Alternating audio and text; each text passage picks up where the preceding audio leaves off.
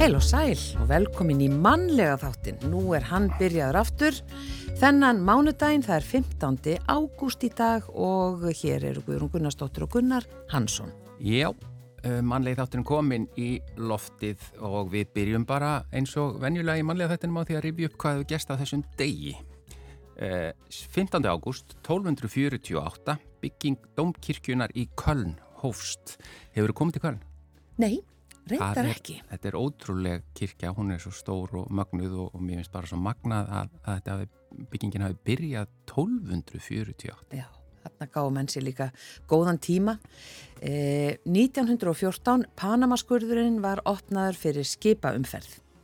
Eh, 1933, Charles Lindbergh, sá sem fyrstur flög yfir Allandshafið, kom til Íslands frá Grænlandi á samt konusinni. Þau fluga áfram norður og austur um land og fóru frá Eskifyrði til Færi að þann 23. ágúst.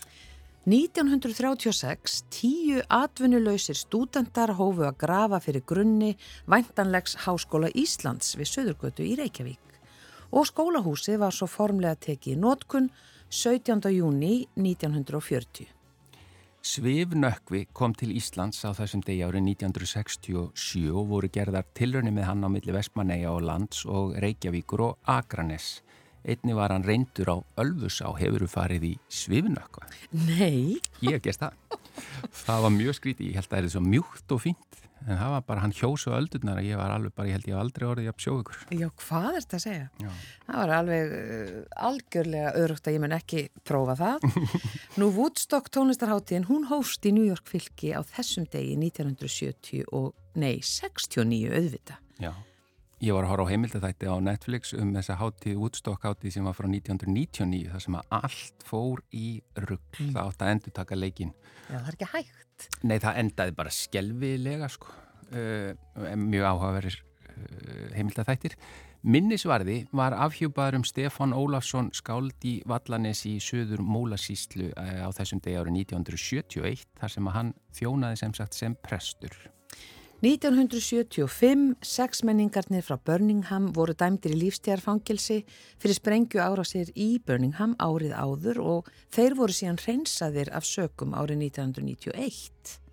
E, Járskjálti að staðriðinni 8 e, á ríkter varð 512 manns að bana í Peru á þessum degi árið 2007 og yfir 1500 manns slösuðust. Ný, e, 2007 bæjastjórn Vesturbyggðar ákvaða breyta deiliskipulagi til að hliðra fyrir ólíurreinsi-stöð í Arnarfyrði.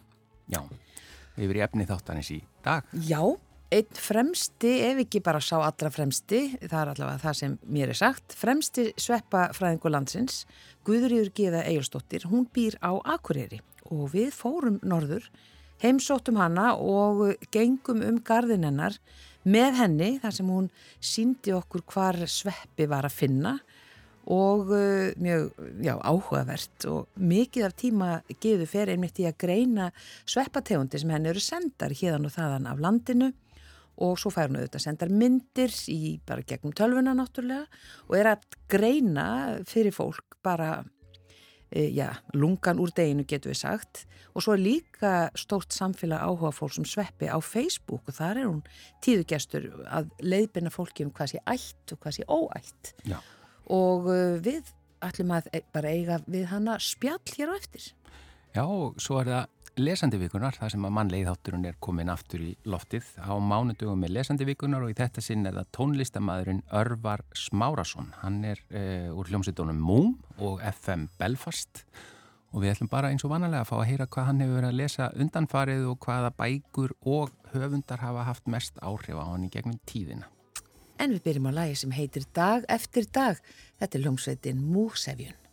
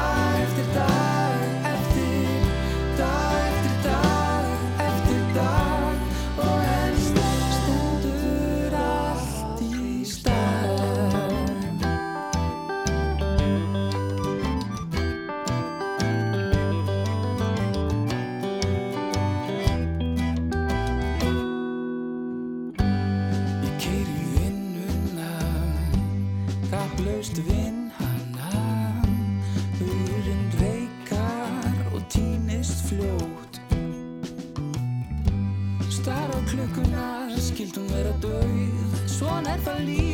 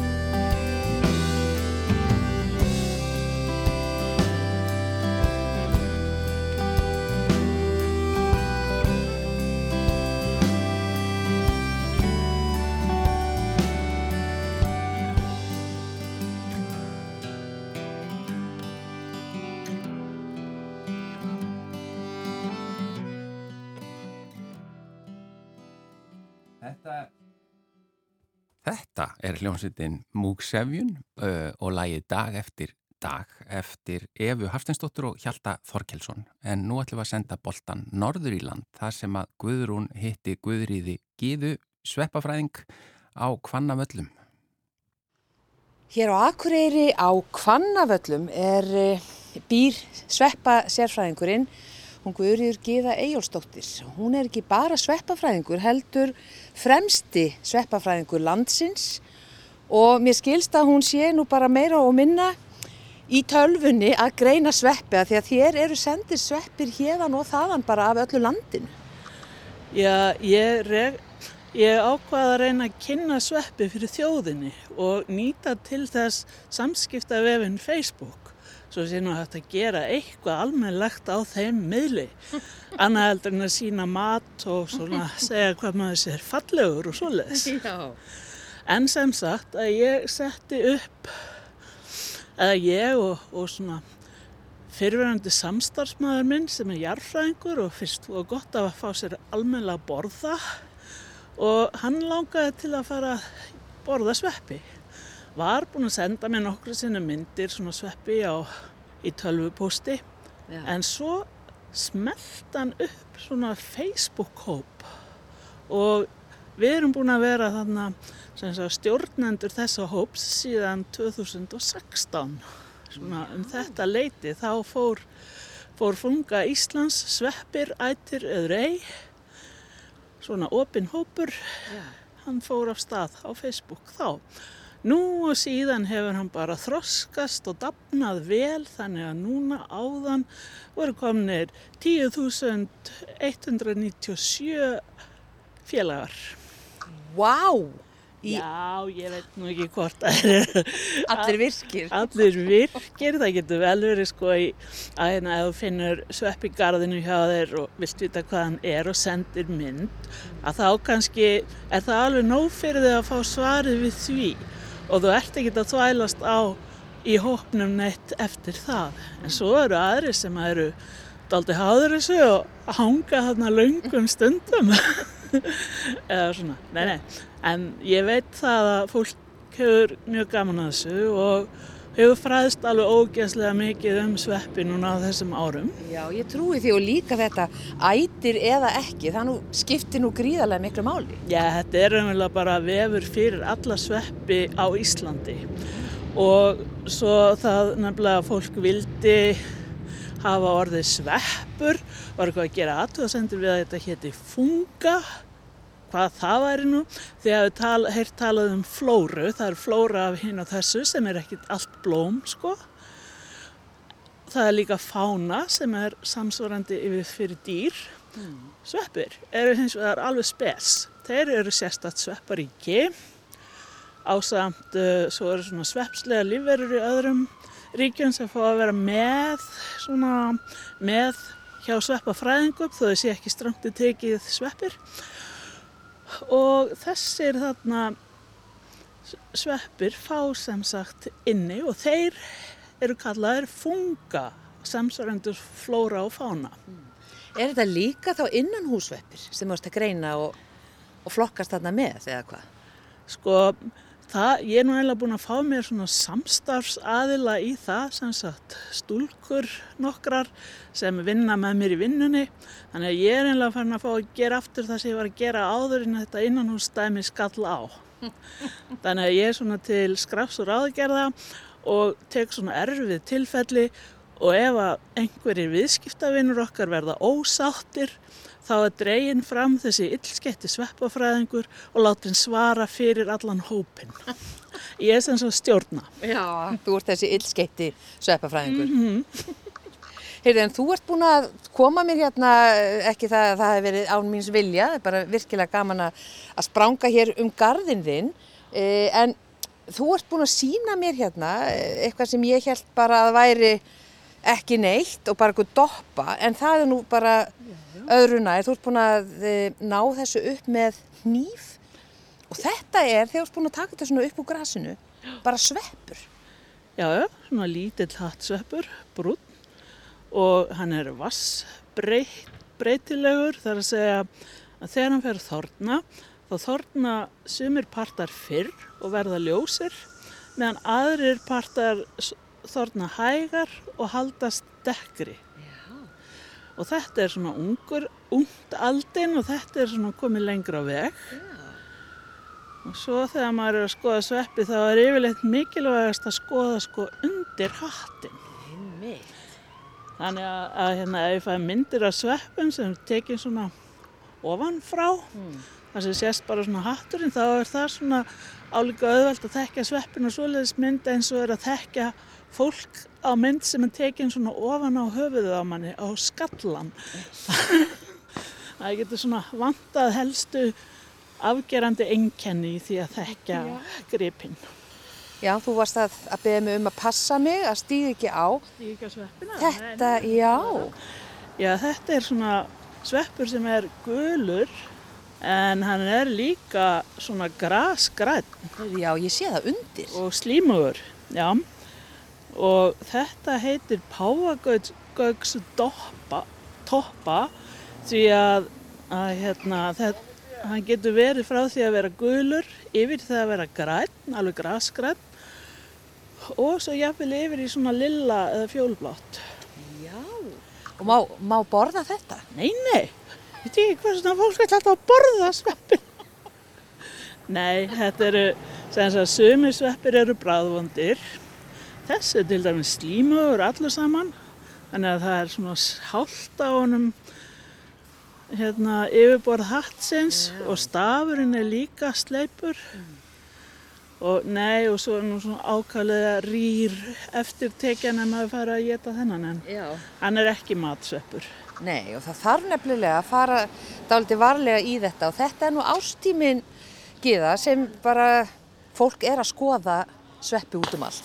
Já, já, maður, Hvað er að gerast hérna? Við erum bara smá útitúr. Það er eins og við séum bara í Stórborg. Það er hér sjúkrabílar og, og allt að verða vittlaust. Og nú er einhver að fara að lokksjóða hérna rétt hjá okkur. En við látum það ekki tröfla okkur. Nei, nei, þetta er Það eru bara framkvæmdir ný, hérna. Ný heitavasleðsla. Já, Við akkurat. erum verið að reyna að pota ofan í göt, götuna Já, gegnum hólur. já. En er þetta, hérna, eru fleiri sveppir hérna? Já, já. Og fyrir utan það, það eru alls konar sveppir sem hafa vaksið hér og, og vaksið ekki lengur kannski, eða sjást ekki núna. Já. Einhver ástæði Ég- fyrir því að þeir hverfa? Uh, já, kannski búinir með matinn, sömur, og svo er ekkit, þeir kom ekkit alltaf upp alveg á hverjum, hverju ári. Nei. Nú, passaðu henni núna, hérna kemur eitt, sko.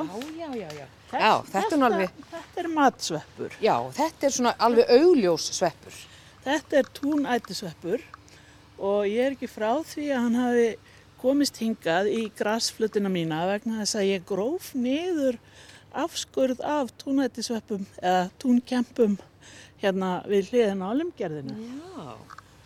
Og þessi er búin að vera hérna í nokkru daga Já. og hann vex hérna á þessu svæði þannig að líka með hans er hérna ofan í jörðinni.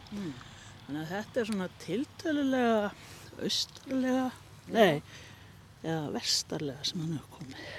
En að þú talar um að þeir borði eitthvað, hvað þýðir það að finna þennan svepp hér? Er þá mikill raki hérna undir eða eitthvað svona æti fyrir hann? Hann hefur bara, sem sagt, farið að vaksa þarna og líka með sveppa er svona eins og fíngerði þræðir. Maður getur hugsað sér kongulóarvef. Þannig að slíkir þræðir eru hérna ofan í grassverðinum og eitthvað ofan í moldina og þeir vaksa alltaf pínulítið hverju ári. Já. Þannig að sveppurinn sem að vex hérna núna þá er vantilega kanturinn eða einhvers stað freka, freka framalega ungur partur af svepps líkamannum komin hingað og svo kannski verður hann komin svona 10 cm viðbót næsta ár þegar sveppurinn kemur upp aftur þegar hann ákveður að fjölga sér. Afkomendunni myndast nefnilega hérna neðan á. Og þetta heita fanir sem eru neðan á túnkempunni. Þetta er bara mjög fallegur sveppur. Já, hann hefur verið ennþá flottari þegar hann var yngri, sko, þá var hann nefnilega bleikur. Hann byrjaði sem bleikarfanir og svo verða þær yfir það að verða súkulaði brúnar þegar hann er orðin svona aldrei gamall. Já. Þannig að þessi er gamall. Nei, hann er fann að eldast, hann er ekki orðin alveg gamall, ekki alveg gerðsamlega eldgamall. Já. Þannig að hann, er, hann myndi vera ennþá notaður í mat þessi, Já. en, En- maður myndi kannski skera á hann megnið af fönunum Já. til þess að, að því að þær varu kannski svona frekar leðinlegri á bræðið. Já, já, já. Nú, síðan hérna meðfram, ég er búin að, ég er búin að kanna hérna aðstæður. Já. Sjáu þessa, Já, já, já. það er alveg fullt af litlum sveppum í mósanum. Þetta reikna ég með að sé hérna einhver kveif. Kveif. Já, galerína tegund. Það eru mjög margar sem vassa helendis. Já. Já, þetta er ekki sama doppan og var hann áðan. Nei, nei, nei, nei, nei. Hún held ég að hafa verið panaeolus. En þessi er svona lítil og fingerð. En þá minni en hinn, sko. Já. En sko stæðstu geta verið kannski tölver starri. Vaksa bara í mosa og alls konar. Svo eru starri, starri frængur þeirra. Ein er til dæmis viðarkveif sem vex á, á við, Mm. viði. Til dæmis í kurl, viðarkurl í stígum. Já. Og hún er með eiturefni sem er baneitrað. Hvað ert að segja? Ef einhver auðlast þess að borða viðarkveif, að þá er viðbúið að, að hérna, ef hann lifir af, að þá þurfa að skipta um allavega nýru. Og stundum, og viðarkurl getur verið eins og skyndibiti fyrir sveppi sem að lifa á viði. Og viðarkveif hefur fundist nokkuð oft í svona kurluðum stígum. Já, það, þið heyri þetta hlustendur góðir, það er eins gott að vara sig á því, ekki týna þessa sveppi sem eru á kurluðu stígunum, Já. göngustígunum. Þessi, maður þarf raunverulega bara að læra matsveppina, þá sem eru góðir og ættir og, og, og hérna, geta þá engöngu. En sleppa því að setja, að leggja sér hina til munns. Maður getur tekið af þeim ljósmyndir, maður getur málað af þeim myndir, maður getur þefað af þeim og svona hitt og þetta, en bara ekki borða þá. En þú ætlar ekkert að henda þessum sveppum sem ert búin að vera að skera uh, úr, úr grasinu, þú, þú geymir þá? Já, stundum, allavega ef ég held að það séu eitthvað sniðugt og ég er með nokkuð langan lista af sveppategundur sem hafa fundist henni í kringum húsi mitt. Frá því að ég settist hér að sem var í byrjun árs 1994 og þar á meðal einn sem að ég vissi nú ekkit hvað var fyrir hann var sendur til útlanda til sérfræðings í litlum brúnum sveppum sem greindi hann sem, sem tegund sem hefur ekkert sést hér hvorki fyrr eða síðar. Já. Hann var og setna hinn með við húsið og rétti á bílaplaninu við bak, bakdurnar. Hvað er þetta að segja? Já, já. Og síðan er hérna blómabeð sem Já. að nágranna kona mín kom, kom upp og ég fekk svo umsjón með eftir að hún flutti hérna. Og þar bar hún svona góðan áburð á, svona tað og svo les. Og þá, þá kom upp hérna haugbjalli sem er mjög fín taðsveppur sem að vill, geta, vill vaksa á svona hrossataðshrúum og slíku. Glansar í sólinni þokkalega stóra á þeim að vera. Og hann kom hérna upp og ég tók svona tímaröð af honum eftir í hvernig hann þroskaðist, skrapp út í blómabeð áður en ég fór í vinnuna í nokkuð skipti og, á myndaseri af honum að fyrst ungum og svo gamlum Já. og allt þar á milli. Hvað skýrir þennan áhuga þinn á sveppum?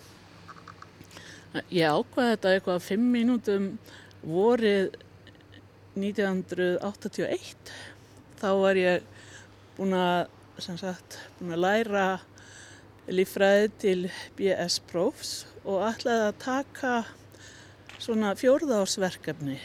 Þá var ekki bóði að taka master hérlendis í líffræði en ég, mér langaði til að vita hvort að mér tækist að stunda rannsóknir eða svoleiðis og prófa svona verkefni. Þannig að ég, svo kom prófessorinn okkar með nok nokkra tillögur af því sem hann við leist á að geti verið sniðugt. Þar meðal voru, var verkefnið sem hétt jarðvegsveppir. Ég sagði með mér, aha, þarna get ég verið að vinna hjá foreldrum mínum upp í sveit og svo þegar eh, hérna, áðurinn fyrir skólan, höstuð eftir, þá tekið síni sem get unnið úr þá um veturinn. Mm. Ég gerði þetta, þetta eru reynda margir, margir vetr, vetrar og, og ég fekk vinnu á tvö sömur þar á milli í samskonar vinnu að taka síni úr, jarðveg síni úr beitarhólfum, annars vegar upp á hálendinu og hins vegar á í sunnlæskri mýri. Og þau voru, þetta verið sambandi við vísindamenn frá Halifax í Kanada. Þeir sem að voru nefnilega í beitartilraunum höfðu séð það að lömp þrifist ekkert svo vel sko í svona mýrum þó það var í fullta grasi. Lömpi sem voru einhver staðar inn á hálendi þau einlega komið betur út. Þannig að svo lásu þessir beitar rannsóknarmenn grein um frá Kanada um það að það væri eitthvað vesen með sko að sveppir hefðu slæm áhrif á þrif lampa sem að hafa verið rannsakað í beitaltilraunum þannig í Halifax. Svo Já. þeir fóru svona í sam, samstarf og fengu styrk og réðu mig. Meira að segja því ég hef búin að vera í þessu námi um veturinn að þá þurfti ekki að senda starfmannin til Kanada til að læra, það getur bara komið með lýsingu. Þannig að þetta gekk ágætlega Já. og í framhaldi af þessu að þá hérna komu þess, þessir kanadísku menn sveppafræðingar mér í samband við prófessorinn sem fór svo að lærði hjá í Winnipeg í Manitoba. Já. Já, já, þar var ég frá 1984 til 1990. þá er ég komið með doktorspróf í sveppum. Já, þannig að talaði Guður, Guðrún við Guðriði Gíðu Eyjólfsdóttur, einn fremsta sveppafræðing landsins. En nú Elvis.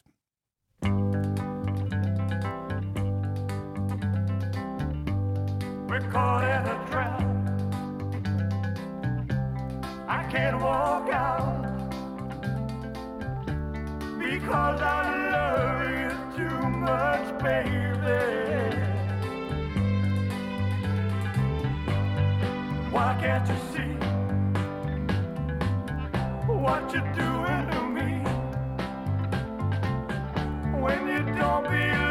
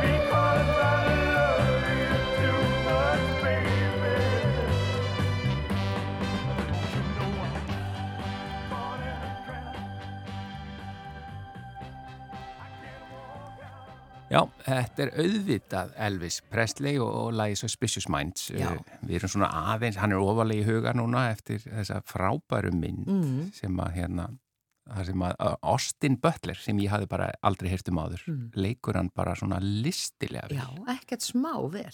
Já, Og þetta er bara mjög áhugaverð mynd. já og, og náttúrulega Tom Hanks, nánast óþekkjanlegur sem Colonel, Tom Parker. Já, akkurat.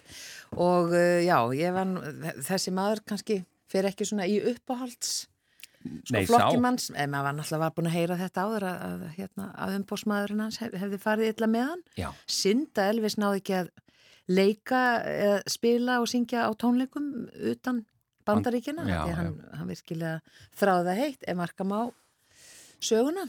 já.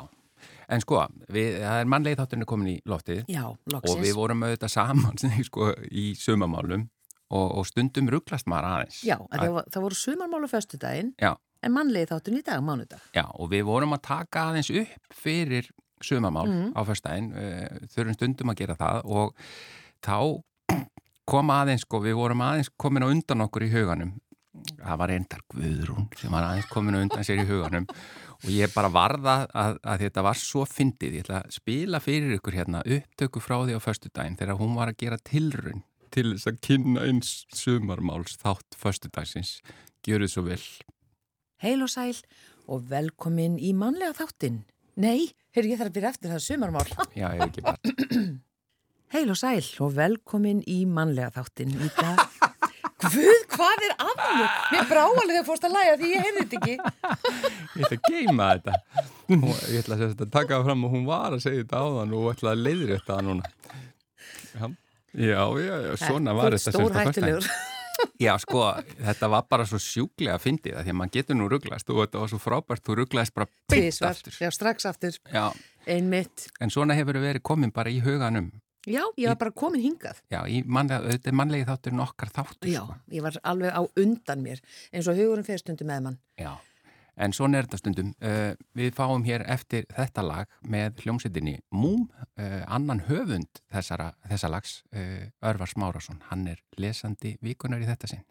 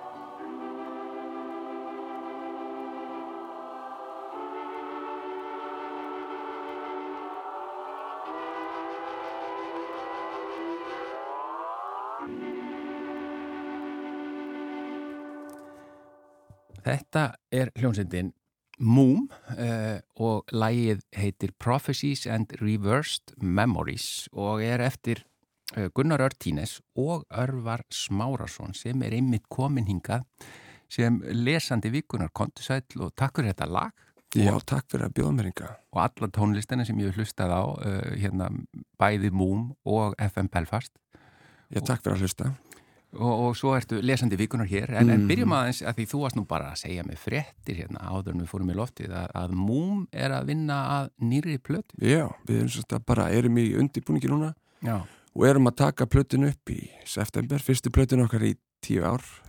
Vá, Þannig þetta er um bara stóra fréttir. Já, að því þið, ég meina, en þið hafi verið eitthvað að spila er það ekki að því þið ferðist mjög mikið og eigið aðdáðandur bara út um allan heim já, sérstaklega fyrir COVID, það búið að vera svolítið, svolítið stopp eftir það. Við vorum í, við vorum að klára uh, 20 ára amalistúr, fyrstu plötunar okkar þegar að COVID skalla á, við áttum bara bandaríkin eftir. Já. vorum bara á leiðinni til bandaríkina þegar að okkur var bannað að fara og hérna. Já, þannig að spilum svolítið mikið fyrir það svo hefum við að gera svona spila undir sko þögglarmyndir það er svolítið svona áhuga mál hjá okkur og eru allir upprunalegu meðlimir með núna? það er einhverjir og eitthvað sko ég veit Já. aldrei hverjir eru með hverjir sinni þetta er bara Það kemur bara ljós. Heyrðu og svo ekki nóg með það, heldur uh, þú ert hér sem lesandi vikunar og svo bara kemur ljós bara líka hérna í spjallinu rétt á hann fórum í loftið að þú ert að gefa út bók. já, ég er að gefa út uh, smásanasafn, Já, kemur vonandi út í oktober eða nómber, allavega kemur núna í með haustinu já. Ertu búin að, hefur skrifað mikið?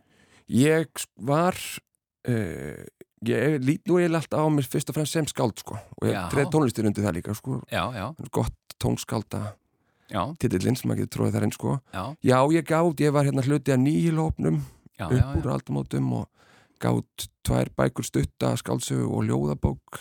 Þá svo auknin hef ég aldrei haft almennlega tíma því að tónlistin hefur tekið svo mikið. Já, svona orku og tíma en svo hendi, ég fór, ég fór í reitlist í háskólanum já. og uh, útskrifaðist í fyrra þaðan, Og smásagnarsal.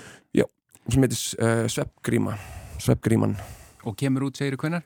í oktober eða november við erum að klóna á leiðin í prentun hún kemur út hjá Angústúru sem er einmitt upp, eitt af mínum uppáhalds forlegum, hann er mjög heppin með heimilið þar sko Geggjað. Þannig að við fylgjumst með því, en, en þú sem lesandi, þú lest mikið. já, ég svona allavega, ég les ekki hratt en ég les eins mikið og ég get ég væri oft til ég lesa meira Já, ég, stundum meira að horfa á svona þegar fólk lendir í fangelsi í bíómyndum eða þáttum að segja já, hún leðilegt að skildi fá þennan lífstíða dómen samt pínu kósið, ég minna að hafa nógan tíma til að til lesa að lesa, já. Já, ég, ég myndi ekki reyna að koma mér í þær aðstæður, en, en ég er á sama bót og þú með það, ég les hægt. Já. Það er ofta að, að, að bakka aðeins og lesa aftur og eitthvað svona, en, en alveg sígða síðan inn, sko. Já. Er- Einhverja sérstakka tegund af bókmentum frekar en aðrar eða, eða Nei, bara, alls ekki, ég er svona frekar svona breið, breytt áhuga sviði í, því. Ég er búin að lesa mikið að smásana söfnum upp á síðkasti og dottið svolítið Já. mikið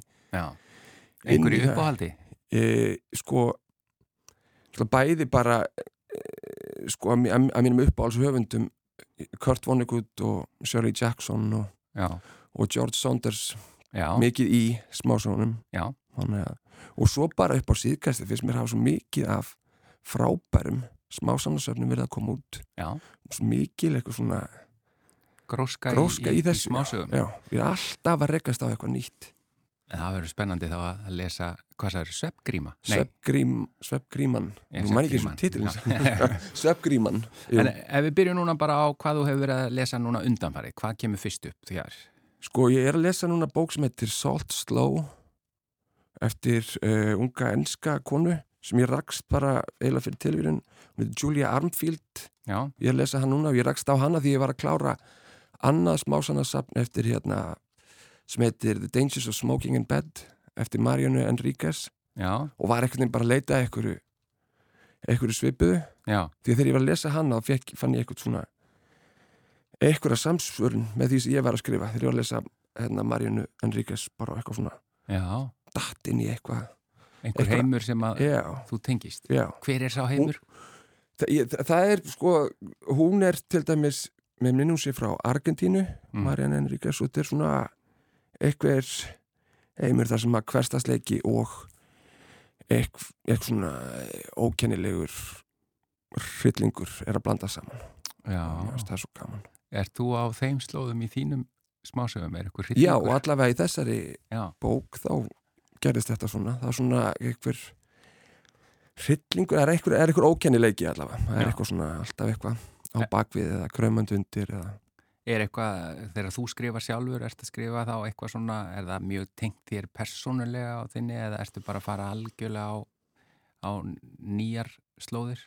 mér finnst þetta bara blanda svo mikið, sko, þetta er eins og í tónlistinni. Mm. út af í tónlist þá þarf ekki að, það er ekki sama krafan alltaf þetta, þú voru að skrifa þar sem þú þekkir. Já, tónlistinu þarf ekki að semja tónlistinu sem þú þekkir, maður það eru meira leifi meira svona rými til þess að skapa í því. Já, og mér finnst bara oft sannleikurinn koma best í ljós þannig sko, ef við leipi ímyndunarflinu bara á stað Já.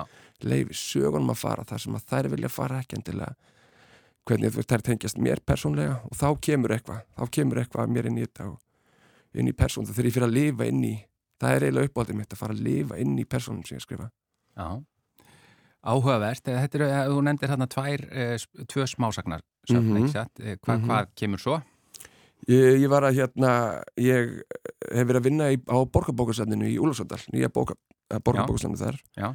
og ég rakst, þar kom allt í henni inn á borð hérna bók sem heitir The Book Collectors of Daraya sem er Ofta að ræja. já, í hérna Sýrlandi, borgin Daraya í Sýrlandi. Það er hérna eh, franskur, eh, fransk blaðakona sem býr í Istanbul sem að skrifar þessa bók, hún vinnur hann upp úr samtölum við uh, handspyrnu fólk í Daraya í Sýrlandi já, sem að sapnaði saman bókum úr sprengjurústum já. um alla borgina þegar borgin lögð í rúst og stopna svona neðanjarða bókasapn og í svona hræðilega erfið aðstæðum Mhm. og þau hérna nota þetta bæði sko, bækunar sem svona þerapíu og þau nota hana sem ansbyrnu tól bara í sjálfu sér sko Já, og bara einhvern veginn ástin á bókum kemur fram í gennum þetta mér fannst þetta alveg mögnuð saga og hún sem, hún hérna, sem skrifar þetta hún nær aldrei náttúrulega að fara því að eh, sko, borgin er umsetin alla þennan tíma. Í Daraya. Já, Já, og hún hérna er bara er að skæpa við fólki í bókasafninu já, hérna. já, já, já, já. það sem ansi mögnu bók sko. það sem hún tekur viðtölum við en Mhm. já, er magna hvað bækur og list eh, einhvern veginn allstaðar eh, ná að, að, að ná til fólks í Mhm. hvað aðstæðan sem er mm -hmm. en hvað, ertu, hvað er næst þá sem út með fyrir okkur hér? Ertu með fleiri bækur? ég, ég var hérna rakst á aðra bók ég, ég, hérna, við vorum í frí í sumar á Ítalíu og mér var svo gæði ég ætla að lesa eitthvað Já, eitthvað ítal sem ég ekki lesið áður. Ég rakst á bók sem að heitir The Dry Heart í enskri þýðingu. Eftir höfund sem ég þekkti ekki fyrir Natalíu Ginsburg já, hún hérna e, var kommunisti og andfasisti hérna, hún skrifa þessa bók 47 rétt Mm. eftir stríðið og svona búin að náttúrulega þurfti að vera í hálfpartin í felum í stríðinu en var svona vinna í útgáfu á, á svona andfasísku efni og í, í felum hérna á Ítalíu og þessi bók byrjar á því að hérna, er stutt og snörp skálsaga byrjar á því fyrsta setninginu bara ég skaut manni minn á millið augnana ná Svo flott byrjun. Flott byrjun já, og svo já, er bókin bara að segja sögu þessara konu. Já, rosalega ofsalega velskrifuð og og þú last Það frábær, sko. last hana á ennsku, segir já, ég las hann einsku Já, en hva, hvar varst á Ítalía, voru þið? við vorum uh, fyrst í Fenheim og svo við Gardavatni þannig að nógu tími til þess að liggja og lesa Ég Já. það er ofta góða við sumafríin að Mhm. maður, þá gefum maður sér tíma já, það þarf ekki að fara í fangelsi Örvar, þú Nei. það, það er það sumafríða fangilsi já, já, frábært ertu, ertu, er einhverja fleiri bækur sem að kom upp í hugan svona sem þú hefur lesið undanfarið. Já, ég sko fyrst að ég var að tala um þessa smá, þessi smásagnarsöfn og langum mér svo að minnast bara á þessi hérna sko eins og hérna kláða eftir Fríðu Ísberg og Herbergi í öðrum heimi eftir hana Maríu Elisabetu já, og fleirum svo mikið af góðum smásana söfnum Já. íslensku komið út upp á síðkasti líka. Já. finnst þetta svo skemmtilegt sko. þetta er svo vannmetið form finnst mér. Og ekki einfalt að öruglega að skrifa þetta, er, þetta þarf að vera svo knaft og Mhm. er það ekki? Jú, nú, Það- nú spyr ég sko. Já það þarf að vera það sko. Já, og þetta er svolítið e, svolítið annar prósess heldur en að skrifa skáldsögum já, og það er önnur bók sem er með langur ég, hérna, ég var í reitlistinni Já. og ég er svo rosalega gaman að ég lesa uh, reitlistatengda bækur líka. Bækur um um það að skrifa. Já, ég lærði líka handrið skrif í FAM og í Prag fyrir já, mjög mörgum árum síðan og fekk svona pínu delli fyrir svona struktúr í sögum og svona og það er bók eftir sem George Saunders gaf út í fyrra sem heitir um, hún heitir Laungum titli, rosa Já. flottum titli. En George hún, Saunders. Já, en hún er um hérna hún heitir eitthvað svona A swim in the pond in the pool. Eða eitthvað, hún er sérst um uh, að skrifa smásögur. Já, já, og hann hérna, hann sérst fer í gegnum rústneska smásögur Tjekov, Tolstói, Gogol eitthvað svona, og sögurnar eru og maður les sögurnar já, og svo bara svona eru sögurnar krifjaðar og ég, fyrir, fólk sem er að pæla í reyðlistinni þá get ég ekki mælt með öðru en að skoða þessa bók, hún er æðisleg sko. já er bara uh, nákvæmlega það, það eru ansi margir á Íslandi sem eru, að, eru með einhverstaðar í skúfu eða í Mhm, maganum mhm. með, með sögur mm -hmm. Já og svona námskeið líka eða það er að segja og nám í reitlist þú mæli með því líka. Já, já. Þetta ég meðast æðislegt að vera í svona námi. Finnst þess að vera í nutti alla daga. En ef þú sko, ef þú núna lítur bara aftur, þú mátt fara eins langt aftur þú vilt, eh, hvaða svona bækur og eða höfundar svona koma upp sem hafa virkilega, sem að sita í þér, sem hafa haft sérstök áhrif á því gegn tíðina? Já, sko uh, ég datt svolítið inn í bækuna gegnum mömmu mína, hún var alveg las rosalega mikið, hún var yfirleitt að prjóna Mm. og lesa bók og horfa á eitthvað einhverja BBC upptöku af Shakespeare verki eða Monty Python á sama tíma eða eitthvað. Mm. og ég öfundaði hann alltaf svo mikið, hún las svo hrætt Ah, fletti bara svona, já, leita sína bum, bum, bum, bum, Já. fletti.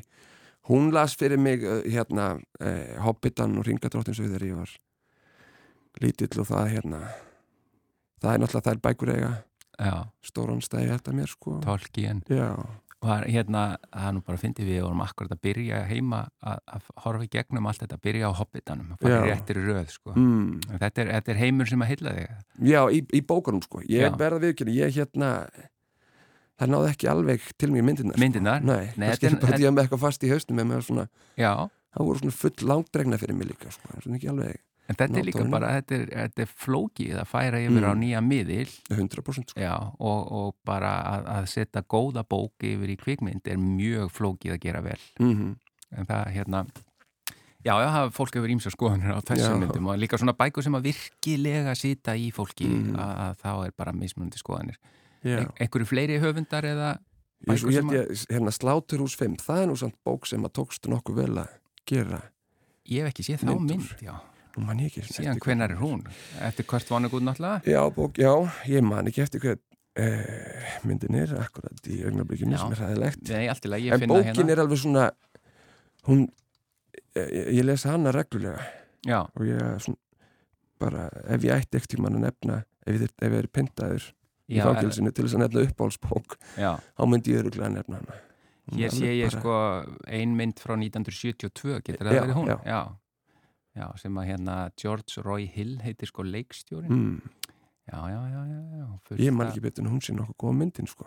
Er bókin, já, og bara þetta e, þessi frásögn hans frá Dresden og Já. hérna og að lenda í þessu hræðilegu atbyrðum þar sko. Já, og síðan þessi ég, bara miklu uppáhaldi hjá mér hvernig hann hvernig Kurt Vonnegut tekst á við uh, vísindaskálsöguna og, og sci-fi sko, og hvernig hann nær að nota það einhvern veginn til, til að gera eitthvað svona allegóriur um mankinnið já, án þess að gera það nokkuð tíman á neitt uppskrúfaðan eða erfiðan hátt þetta er já, svo fyndið og skemmtilegt. Já, og bæði sko, mann finnst þetta að vera svo áreynslu laust hjá hann en samt veit maður að hann er að sko kremjast að innan hérna er að kristið út úr sér þetta er stór og mikil erfið efni, sko.